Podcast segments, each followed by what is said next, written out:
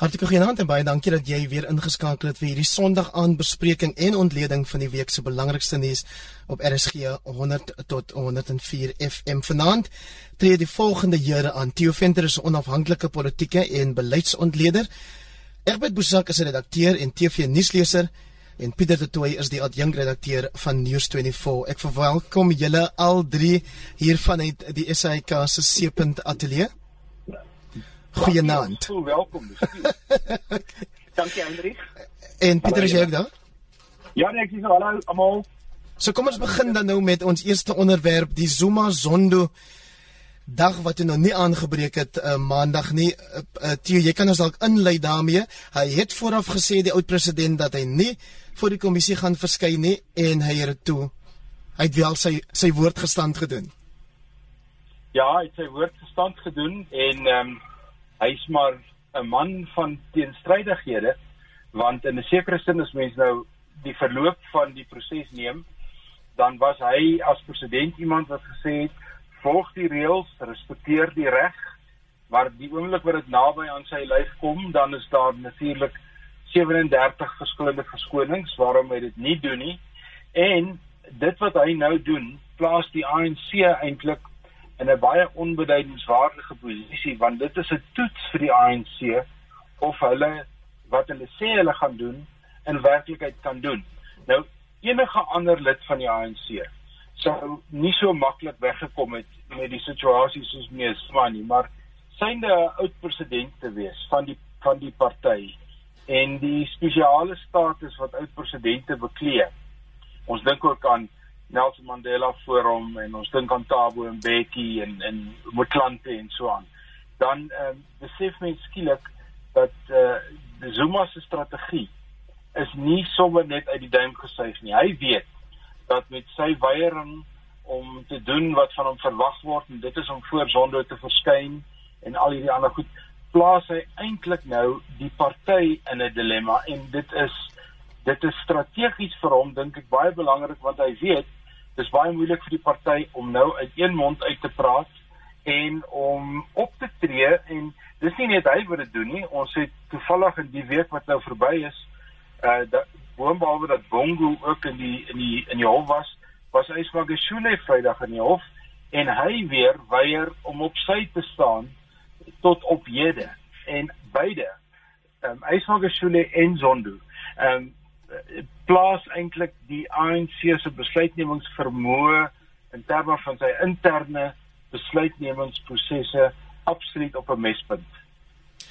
Op 'n mespunt Pieter de Tooy jou reaksie oor die konstitusie of liewer die kommissie se besluit om dan nou vir die konstitusionele hof te vra om 'n uitspraak te lewer teen die adjunk president of die voormalige president dat hy 'n bevel van die hof verontagsaam het en dat hulle baie spesifiek daaroor was dat hulle reken hy behoort tronkstraf opgelê te word. Eindelijk ja, dit was 'n baie betekenisvolle maandag geweest. Ons het almal natuurlik geweet soos wat Theo gesê het dat ehm um, die voormalige president gaan nie opdaag nie. Dit is nie die eerste keer nie, dit is die dit is die derde keer en hy hy hy speel nog altyd ehm um, nie eers kat en muis met die kommissie nie. Hy hy hy hy hy hy uh hierdie kommissie nog altyd eintlik maar ehm um, uh, uh met minagting hanteer. Die sy eerste verskyning voor die kommissie, ek dink dit was Junie 2018 het hy vir 3 dae lank is hy toegelaat om 'n monoloog te voer waar hy gepraat het oor oor komplotte en ehm um, uh komplotte deur westerse intelligensieagentskappe teen hom wat nou al van die vroeë 1990s af kom en en die, die kommissie het werklik waar uit sy pad uit gegaan en agteroor gebuig om die oud president Zuma ter wille te wees die argument, daar's 'n baie sterk argument in die denkskool wat sê dat die kommissie het te ver gegaan en was te sag met hom gewees. Dat die kommissie baie vroeër 'n streep in die sand moes getrek het en dat die die die die die, die, die manier hoe hy vir Zuma hanteer is nie om vir hom 'n vinger te gee, dat jy vir hom 'n vinger gee vat hy die uit die torso en die res van die lyf ook sommer. Ehm um, en dit is dit is dit is wat Zuma nog altyd doen. Nou die die die belang van van maandag is dat die kommissie ehm um, jy weet ek dink regter Raymond Zondo het nou 'n baie duidelike streep in die sand getrek en jy is heeltemal reg die uh, die die kommissie gaan nou hofstukke by die konstitusionele hof indien waarlik gaan vra dat die oud president tot tronkstraf gevonnis word omdat hy nie vir die kommissie uh, omdat hy die kommissie en die hoogste op in die land verontagsaam.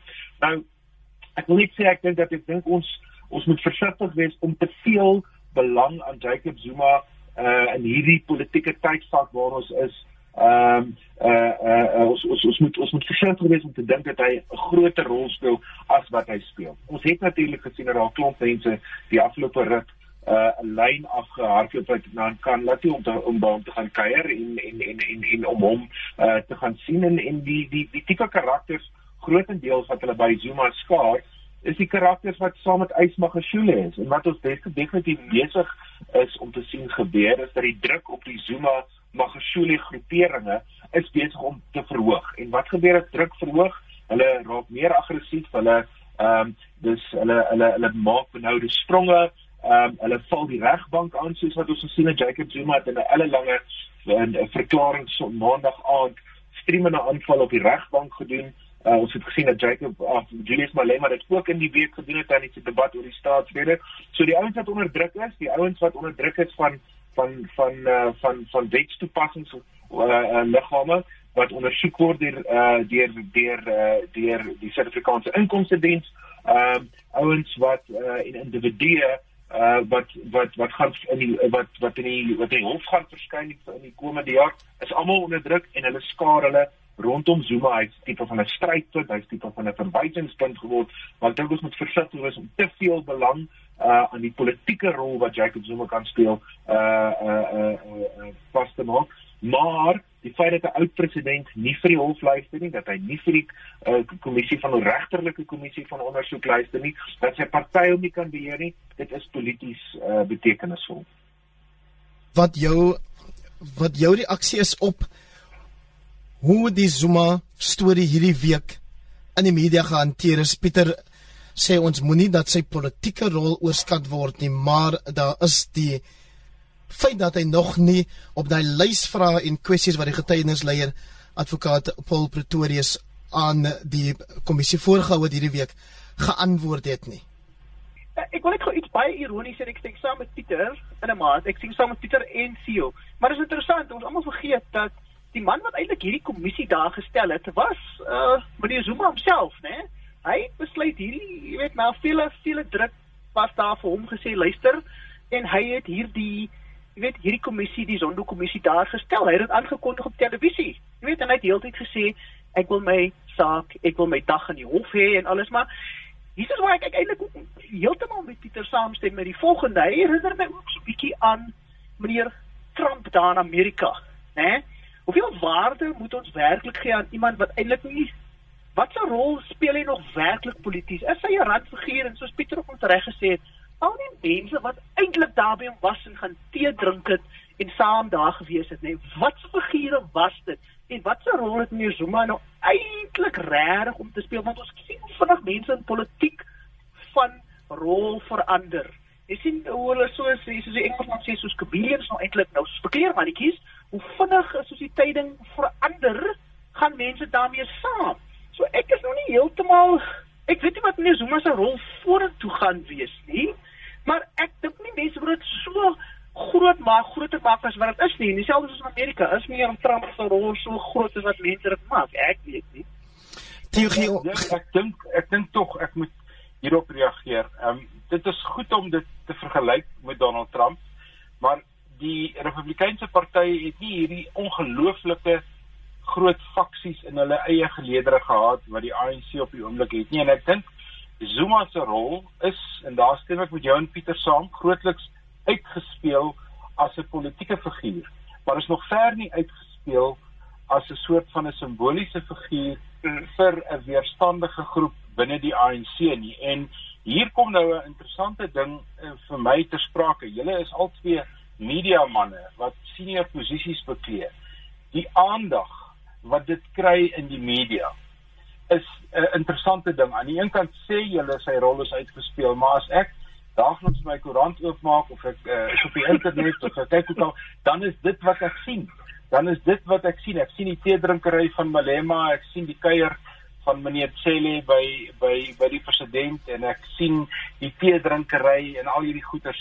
So dit trek tog die media se aandag al is dit nie belangrik nie volgens julle. nee, ek wil ek wil ek wil die presenteer. Ekskuus net vir jou, ek wil net vir die presenteer sê nê.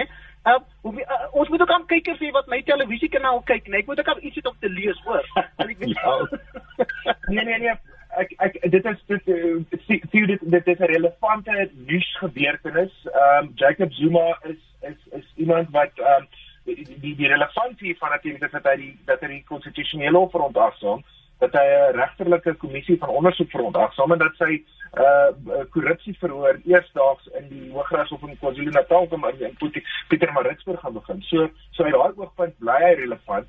Ehm um, hy bly relevant omdat hy soos jy reg opmerk die weerlig uh uh of nie weerlig aflei nie. Hy's 'n hy's 'n hy's 'n hy's 'n hy's 'n hy's 'n hy's 'n bymekaar kom punt vir hierdie ja. nuwe koalisie van die gewondes soos wat ons in 2005 2006 vir die Polokwane kon uh uh ANC se konferensie gesien het. So hy hy hy hy hy hy hy ken nie enige uitvoerende posisie in die regering maar bekleer ook nie meer enige uitvoerende posisie in die ANC nie. Ek dink daar's 'n baie sterk argument ook vir uit te maak dat Jacob Zuma en diegene wat rondom hom in die ANC uh saamspan die Ysmagosile faksie is besig om stoom te verloor en hulle is onder geweldige druk. So dit is wanneer jy sien dat hulle hierdie ehm um, hierdie hierdie openbare spektakels soos wat hulle met die EFF gehad het, soos wat hulle met 'n paar ander mense gehad het wat daar gaan besoek aflê. Dit dit is 'n manier om uh om om dit te mense dit is 'n is 'n vorm van magsvertoon, is 'n poging om om relevant te bly.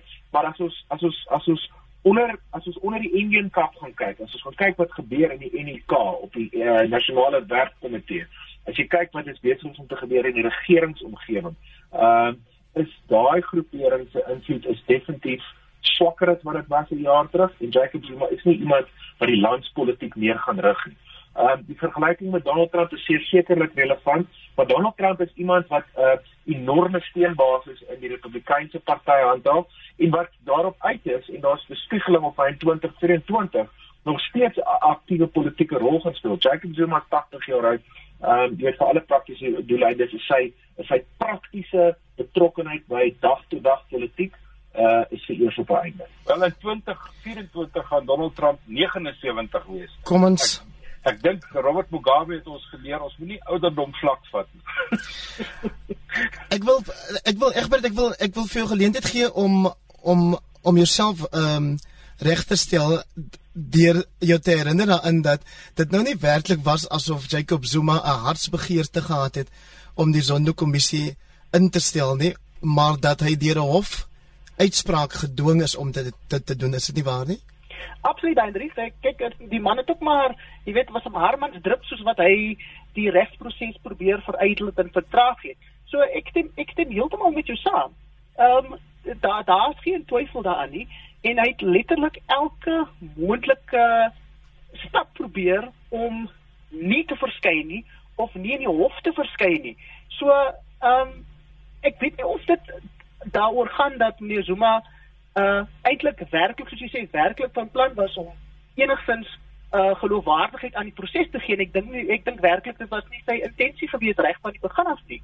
Maar die punt wat ek eintlik probeer maak is Ehm um, ja, hy's hy's 'n nuusmaker. Hy's hy's steeds relevant, maar gaan het hierdie week maar net gegaan oor, ekskuus die Engelse woord daarvoor is posturing.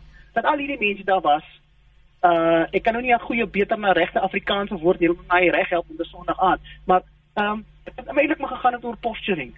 Ehm um, jy weet ehm um, mm -hmm dinge was daar gewees uh um Julius Malema was daar uh Big Sale was daar 'n klomp mense was ja, daar gewees. dis 'n publisiteitsfunksie hè. Maar kom ons praat uh kom ons praat te oor die die teenwoordigheid van Becky Cele ons minister van polisie by iemand wat beskuldig word van al hierdie korrupsievergrype en dis meer.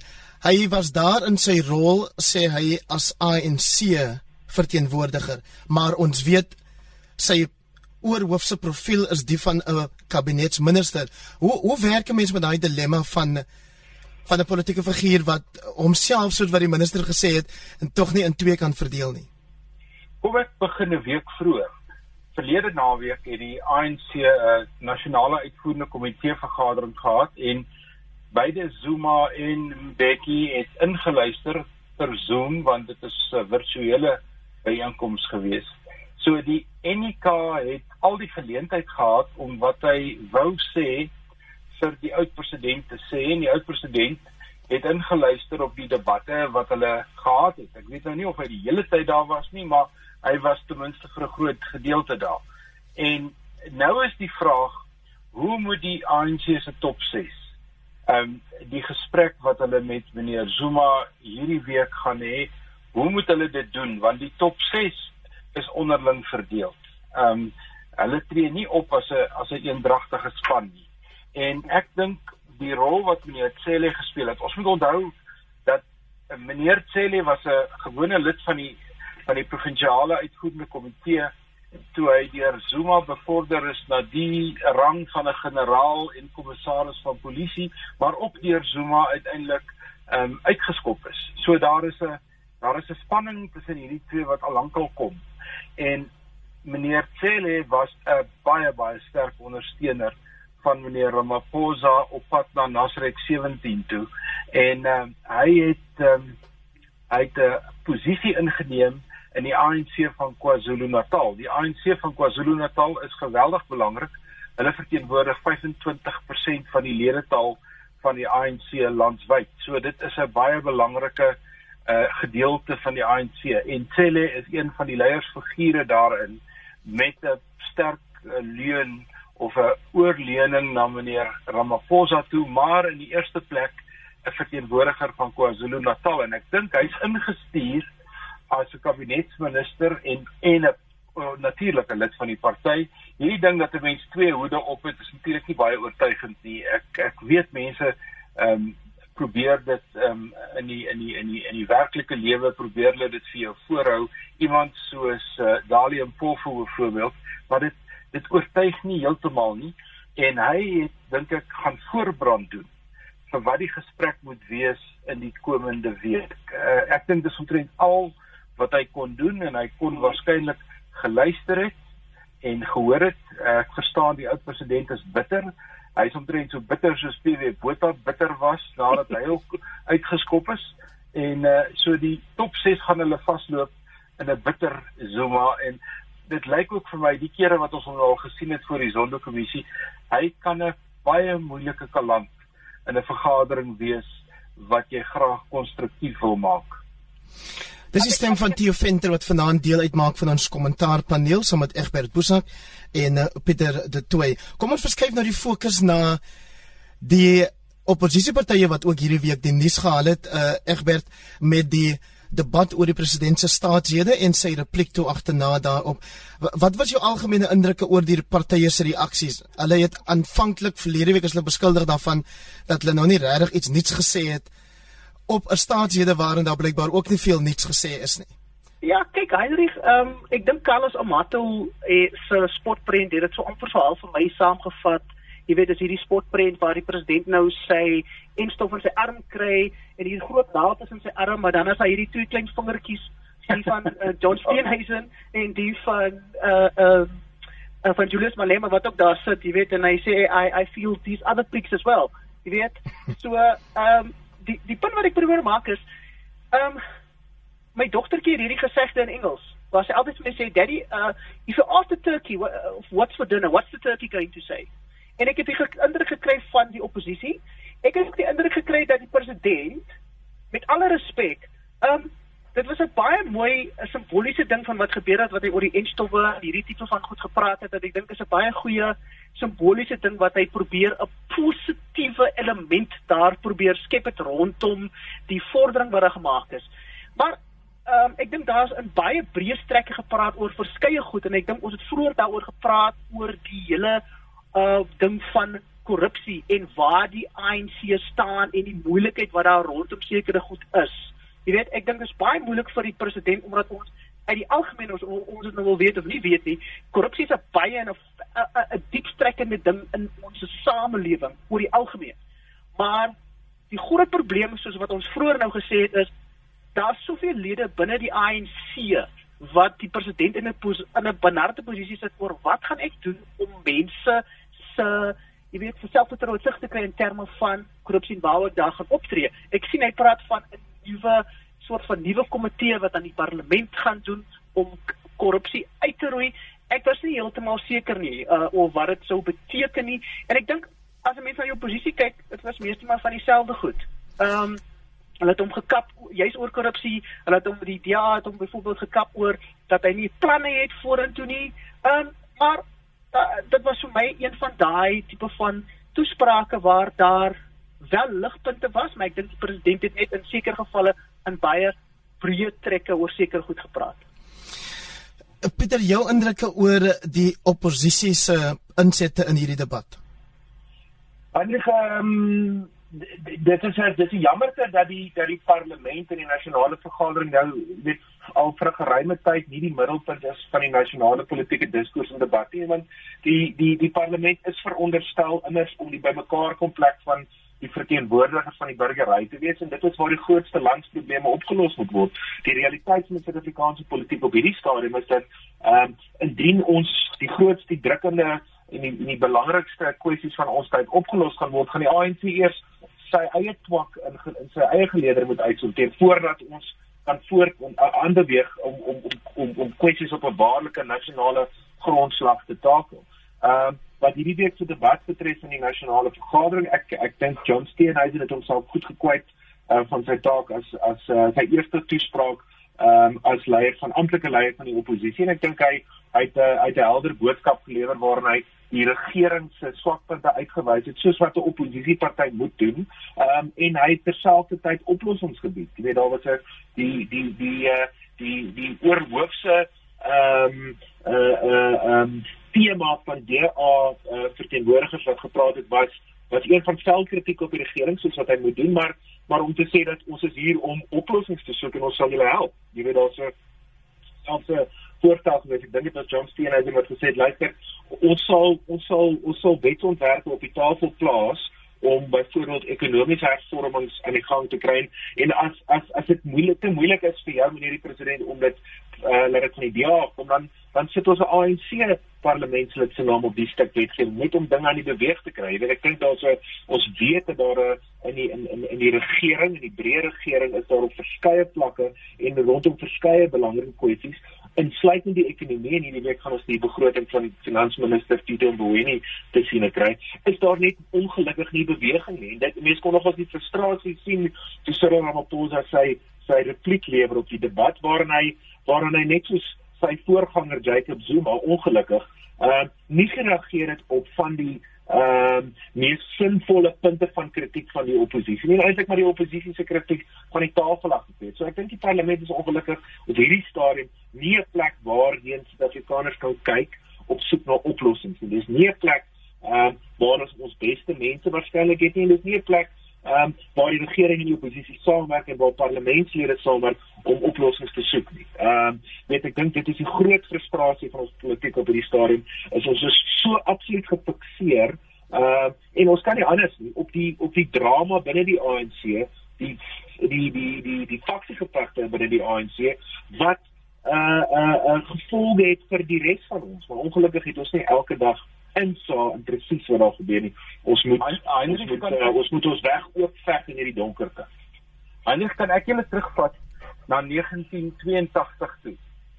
Nou ek ek het toe nou al my tande geslyp in die politiek. Ek weet nie waar was julle nie, maar ek was in standaard 1. Ek was, ek was in standaard 1, dis 'n mooi hier Kaaprimêr. In 1982 sit die nasionale party en hy fibrilleer soos 'n hart wat nie kan klop nie. Hy het nie rigting nie. Hy kan nêrens heen gaan nie. En die rede daarvoor is hierdie treurnig faksie binne die nasionale party wat net eenvoudig alles veto en alles stop. En toe kom die groot breekspel 82 83. Nou die groot breekspel was baie traumaties vir baie ouens in die party, maar uiteindelik na die breekspel kon die nasionale party uiteindelik beweeg en ons is vandag waar ons is as gevolg onder andere van 'n baie belangrike breekspel wat in die regerende party daai tyd plaasgevind het. Ek wil oor die mense nie daarvan praat, ek wil net oor die breekspel praat. Die ANC dink ek staan op 'n manier voor 'n soortgelyke breekspel. As die ANC wil doen wat John Steenhuisen sê en wat 'n klomp ander mense sê hy moet doen en dit is om 'n klein bietjie meer polities na die middelgrond toe te beweeg, om 'n klein bietjie meer buigsaam te wees oor 'n paar faktore, gaan hy van die RET groep in sy midde ontslae moet raak want hy kan hulle nie die hele tyd tevrede hou op een of ander manier nie. So eers vorentoe. As daar nie 'n breekspel kom nie, dan gaan die ANC uitmekaar uitspat en hy gaan nie kan doen wat hy doen nie. So ek dink 'n breekspel, ek weet baie partylede in die ANC probeer dit verhoed, maar ek dink 'n breekspel is 'n noodsaaklikheid vir die ANC om vorentoe te gaan. Uh, Praat gerus. Iemand is nou weg. Iemand is nou weg. Kom ons kom ons verskuif die fokus na die misdaad. So Theo het ons vir jou nog op die lyn en dan vir Ja, ek hoor vir jou. Okay, en Pieter? Ja, nee, ek sien. Pieter is ook hier. Okay, Pieter, kom ons praat oor die kwartaallikse misdaad statistieke ons het dan vir Egbert verloor. Ehm um, die kwartaallikse misdaad statistieke wat ook nou deur minister Tyle bekend gemaak is. Ehm um, dit vir die periode 1 Oktober verlede jaar tot 31 Desember. Ek wil net gou by Albert hoor of ons daai klank kan stil kry. Ek wil nog by ek wil nog by Theo hoor. Wie dink Theo is die is die is die Andri Streerlig wat hierdie faksie gaan uitlei? kom ons kom ons kom ons fokus op die misdaad statistieke. Ehm um, asseblief Pieter. So so dalk dalk wil julle net vir my sê wat julle eie indrukke is moord wat met wat is dit 11 kom ja min of meer 11% gestyg het poging tot moord met 22% verkrachting met 7% En uh, die leier van die VF+ Dr Pieter Groenewald sê dis die dierprys wat ons betaal oor dat die polisie gewone misdaad afgeskeep het om COVID regulasies toe te pas soos om leerstrande te patrolleer. Pieter? Uh, ja, ek ek sien ek sien ek heeltemal oortuig dat ek daarmee saamstem. Jy weet ek dink die nee nee dink nie dit is so dat misdaad statistiek die misdaadsyfers toon al vir die afgelope paar jaar 'n uh, 'n uh, 'n stewige stygings elke keer. Ehm um, elke keer wanneer ons misdaadsyfers bekend gemaak word, is dit moord en uh uh is dit moord, verkrachting, ehm um, huisroof, ehm um, en en en uh en en motorkapings wat toeneem. Jy weet dit is die misdade waarvoor mense die grootste vrees het. Misdade in jou huis, misdade wat in jou persoon raak. In die afgelope 3, 4, 5 jaar toon dit is 'n uh, 'n uh, uh, uh, geleidelike stygings. Waarom? uh, wat die polisie en uh, die valke ehm uh, is is is is is die afgelope paar jaar verpolitiseer, die afgelope 10 jaar verpolitiseer. Ons het boeties vir baantjies gesien in al twee daai instellings. Uh, ons het gesien hoe hoe uh, korrupsie toeneem. Jy weet ons weet dat daar nou tans konflik is tussen misdaad intelligensie, tussen uh, tussen misdaad intelligensie, die polisie en die nasionale vervolgingsgesag. Ons het onstabiliteit in die leierskap gehad van die veiligheidsgroepering daar was vir die afgelope 10 jaar ehm um, het ons 'n gereelde omset gehad van A die nasionale polisiekommissaris B die hoof van die nasionale vervolgingsgesag en dat ons korrupte uh, swerkaters en swernote uh, gehad wat in beheer was van die valke.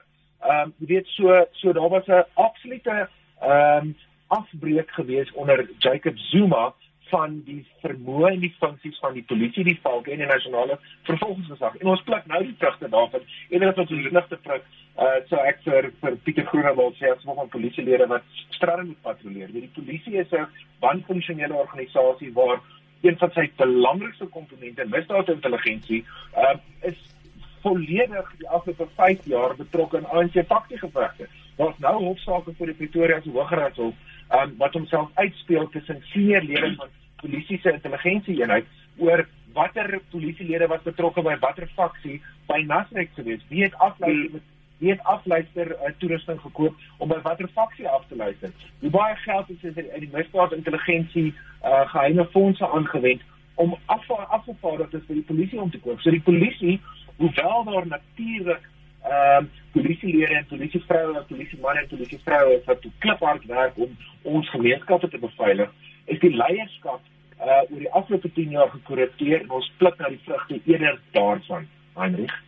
Ehm um, Piet, weet jy wat, Heinrich, ek stem saam met Pieter, maar ook wil ek net dit sê dat die tragiese ding vir my van die statistieke wat ek gesien het, was dat te midde van al die goed word daar die gemeenskappe wat ondermyn was, is veral die ding wat my die meeste gekwal het, was die geslagsgebaseerde geweld veral teen vroue. Jy weet as mens kyk na die verkrachtings die afgelope paar maande wat 'n mens kon gesien het opgegaan het en die onbeholpenheid van die polisie om enigsins iets te kan doen om daardie pandemie wat ons nou tref en waaroor die president gepraat het, korrek te dinge uh, te hanteer. Ek dink dit baie te doen met wat Pieter voor ons gesê het, maar ook hoe wanfunksioneel ons gesien het die gebreke wat daar is tussen die wat het en die wat nie het nie en hoe ons rondom hier die genotydperk omgegaan het hoe die polisie in sekere areas geweld gebruik het en ander nie. En ek dink mense kan dit nou in die statistieke sien van wat gebeur want die polisie het steeds nie enigsins 'n uh, 'n uh, 'n uh, idee van hoe geslagsgebaseerde geweld aan te spreek. Pieter, laat ek hoor wat sê jy oor motorkapings en vragmotorkapings wat ook toegeneem het? Heinrich, ehm um, ek het nie enige spesiale insigte oor motorkapings of vragmotorkapings nie. Ehm um, weet die, die die feit van die saak is is dat die, die wanneer wanneer jou ekonomie sukkel, wanneer armoede toeneem, wanneer jou polisieeringsfunksies besig is om agteruit te gaan, wanneer misdaadintelligensie die eenheid wat veronderstel is om byvoorbeeld iets soos motorkapingssyndikaate of vragmotorkapingssyndikaate oop te vlek wanneer hulle besig is ehm uh, met ANC binne binne politiek ehm um, wanneer hulle besig is om hulle eie gevegte te te te te mee, mee te stoei, is dit geen verrassing dat iets soos motorkapings en vragmotorkapings sal opgaan nie. Kom ons kyk dan ook na moorde Egbert 6297 wat tussen 1 Oktober en 31 Desember gepleeg is. Uh, 19 van daai moorde was die gevolg van aanvalle op plase en kleinhoewers. Jou reaksie? Idee van plaasmoord is 'n baie emotiewe ding en ons weet ook al in die verlede hoe sekere organisasies mense dit verpolitiseer het. So ek is bietjie versigtig om daarna te kyk want ek weet byvoorbeeld nie wat se metodologie of hoe ehm uh, weet organisasies soos AfriForum by hulle syfers uitkom nie. Want soos ek het nou so wat ek nou hierso staan, weet ek byvoorbeeld nie wat is 'n plaas nie uh, of wat 'n plaasaanval is in hulle woord en soos hulle dit beskryf nie. So is 'n plaasaanval ehm um, wanneer ek en Heinrich na 'n plaas toe gaan en ons word daar aangeval as besoekers, dit 'n plaasaanval. Wanneer twee werkers mekaar uh jy weet, wanneer hulle uh die naweek drink en hulle word dan handig met mekaar en slaan mekaar, is dit 'n plaasaanval. Wanneer 'n uh, plaas eienaar sy werker aanval, en slaan en jy weet doodmaak as dit 'n plaasaanval ek weet nie wat met metodologie spesifiek deur sekere van die organisasies gebruik word nie. En ons weet wat die politieke konnotasie daar rondom was dat mense ook hierdie dit gebruik het om te sê daar's 'n volksmoord wat aan die gang is. So dit is baie moeilik om werklik oordeel te vel daaroor Hendrik jy het nog gehoor wat Egbert gesê het jou eie mening oor wat genoem word plaasaanvalle Ehm um, Heinrich, dis natuurlik die emotiewe kwessie plaas aanvalle is uh is uh is, is iets wat die afgelope paar jaar ehm um, natuurlik baie aandag gekry het dikwels vir vir vir vir om politieke redes en uh om politieke kortsigtige uh uh redes. Ehm um, dit is 'n dit is 'n misdaad wat definitief 'n ernstige kwessie is in Suid-Afrika. Iets waarmee die polisie probeer uh omgaan en dit probeer uh probeer takel. Uh maar geweldsmisdaad in Suid-Afrika is 'n uh, enorme probleem wat alle gemeenskappe raak. Uh maar maar ek kan nie weer terugkom na my oorspronklike punt hier vroeër uh Hendrik wat wanneer daar probleme is met die leierskap van 'n organisasie, wanneer daar probleme is in die struktuur van 'n organisasie, wanneer daar probleme is met korrupsie, voorskrewende korrupsie in 'n organisasie, gaan jy swak dienslewering kry. Ons of dit nou met die departement van waterwese en sanitasie is en of dit die departement van polisie is, ons gaan sukkel. Die slotgedagte van jou kant af oor die misdaadstatistieke? Ek dink dit is veral die impak wat dit op die ekonomiese klimaat het wat my die meeste kwel. Ehm um, ek het geluister na die gesprek oor plaasaanvalle. Dis die ekonomiese deel daarvan. En die ding wat my die meeste bekommer is die aanvalle natuurlik op die groot vragmotors wat die lewensaar van ons ekonomie uitmaak deur goedere te vervoer. Dit is vir my 'n groot bekommernis. Ek wou jou gevra het Pieter, dalk kan jy net vir ons 'n kort reaksie gee op die Pau debakel, 'n bekende en hoog aangeskrewe joernalis en skrywer, vat 'n glas te veel volgens sy eie bekendtenis, word in hegtenis geneem en skryf dan 'n artikel waarin hy baie krities is teenoor die polisie.